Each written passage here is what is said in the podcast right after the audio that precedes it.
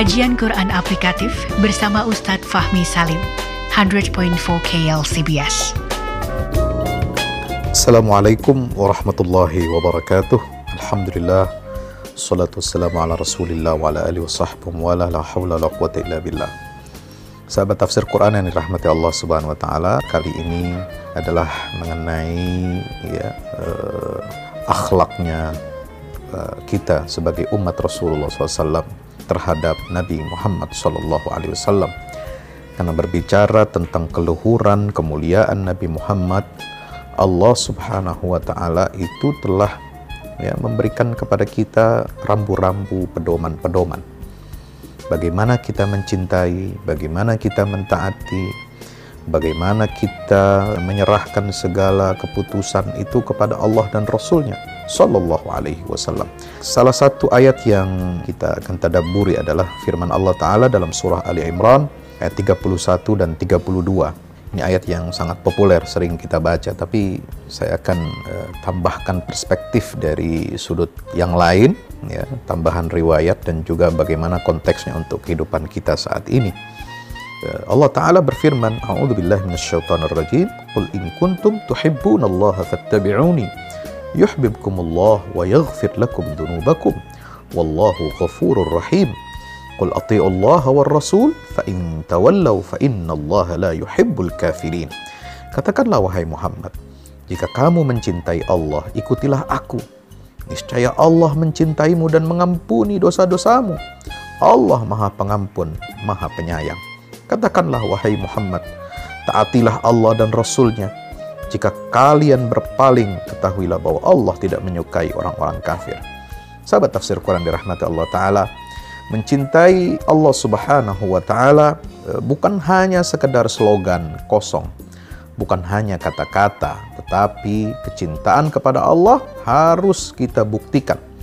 Bagaimana kita membuktikan kecintaan kita kepada Allah? Yaitu dengan berittiba, mengikuti semua apa yang dicontohkan, diperintahkan, dilakukan, ditakrirkan oleh baginda kita Nabi Muhammad sallallahu alaihi wasallam fattabi'uni Allah taala perintahkan kepada Nabi SAW untuk mengatakan kepada orang Yahudi. Jadi sebenarnya ayat ini khitabnya pertama untuk ahli kitab. Kepada orang Yahudi pertama. Jika mereka benar mentaati Allah, maka hendaklah mereka mengakui kerasulan Nabi Muhammad wasallam itu dengan melaksanakan segala yang terkandung dalam wahyu yang diturunkan Allah kepada beliau.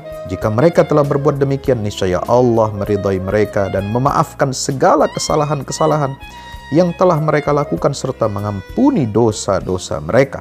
Mengikuti Rasul dengan sungguh-sungguh, baik dalam keyakinan maupun amal saleh, akan menghilangkan dampak-dampak kemaksiatan dan kekejian jiwa serta menghapuskan kezaliman mereka yang mereka lakukan sebelumnya. Sahabat Rasul dirahmati Allah. Kenapa demikian? Karena ayat-ayat sebelum ini semua berbicara tentang ahli kitab, ya, terutama Yahudi. Dan ketika berbicara tentang Nasrani, ya, ada riwayat Ibn Ja'far bin Zubair bahwasanya utusan kaum Nasrani Najran mengira bahwa apa yang mereka asumsikan tentang Nabi Isa itu adalah wujud kecintaan kepada Allah Ta'ala. Maka diturunkanlah firman Allah Subhanahu wa taala ini yaitu surah Ali Imran ayat 31 bahwasanya kecintaan kepada Allah itu terikat dengan kecintaan kepada Rasul yang telah diutus kepada seluruh umat manusia itu baginda Nabi Muhammad Sallallahu Alaihi Wasallam. Bukan kecintaan Allah dalam bentuk apa? Dalam bentuk apa namanya mengikuti ajaran yang telah menyimpang ya mengikuti ajaran yang menyimpang sebagaimana Yahudi tidak mengakui kerasulan Muhammad SAW menutup-nutupi ya kerasulan Muhammad SAW maka ayat ini memberikan keterangan yang kuat ya ayat 31 surah Ali Imran. Qul in kuntum tuhibbunallah fattabi'uni yuhibbukum yaghfir lakum dzunubakum itu memberikan keterangan yang kuat untuk mematahkan pengakuan orang-orang yang mengaku cinta Allah pada setiap saat. Sedangkan amal perbuatannya berlawanan dengan ucapan-ucapan mereka itu. Bagaimana mungkin dapat berkumpul pada diri seseorang cinta kepada Allah dan pada saat yang sama membelakangi perintah-perintah Allah. Ya, membelakangi ajaran Allah dan Rasulnya. Maka siapa yang mencintai Allah tapi tidak mengikuti jalan dan petunjuk Rasulullah SAW maka itu adalah pengakuan cinta palsu dan cinta yang dusta. Oleh sebab itu Rasulullah SAW bersabda dalam hadis riwayat Bukhari, "Man amil amalan laisa alaihi amruna fahuwa raddun." Siapa yang melakukan perbuatan tidak berdasarkan perintah dari kami, maka perbuatan itu tertolak. Barang siapa mencintai Allah dengan penuh ketaatan serta dekat mendekatkan diri kepadanya dengan mengikuti perintah nabinya, maka Allah akan mengampuni dosa-dosanya. Nah, bertalian dengan itu pula ayat 32 dengan tegas menyatakan kita harus mentaati Allah dan Rasulnya. Inilah wujud kecintaan kita kepada Rasulullah Sallallahu Wasallam yaitu dengan apa? Mentaati ya perintah Allah dan perintah Rasulullah SAW. Nah ayat yang 32 ini sahabat Rasulullah rahmati Allah diriwayatkan bahwa ketika Nabi Muhammad SAW menyampaikan ayat 31 di atas Abdullah bin Ubay ya ini tokoh uh, pemimpin kaum munafik dia berkata begini wah lancang sekali dia ngomong begini Muhammad itu telah menyamakan taat kepadanya sama dengan taat kepada Allah. Dan dia menyuruh kita mencintainya seperti orang-orang Nasrani mencintai Isa. Wah, ini luar biasa. Ya, ini lidahnya ini begitu berbisa ini. Seolah-olah benar Abdullah bin Ubay ini.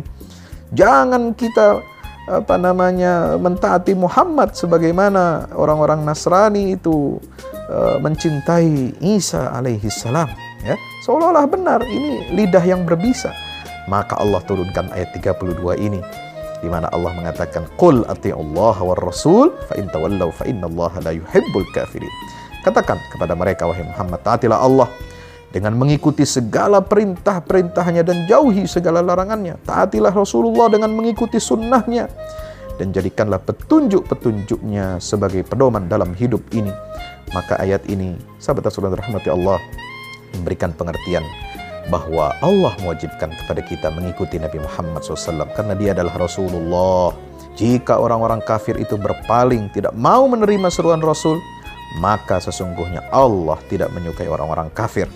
Ini orang-orang yang telah dibelokkan oleh hawa nafsunya dari ayat-ayat Allah Subhanahu wa taala. Karena itulah Allah tidak meridhai mereka bahkan menjauhkan mereka dari kenikmatan surganya dan Allah murkai mereka pada hari kiamat.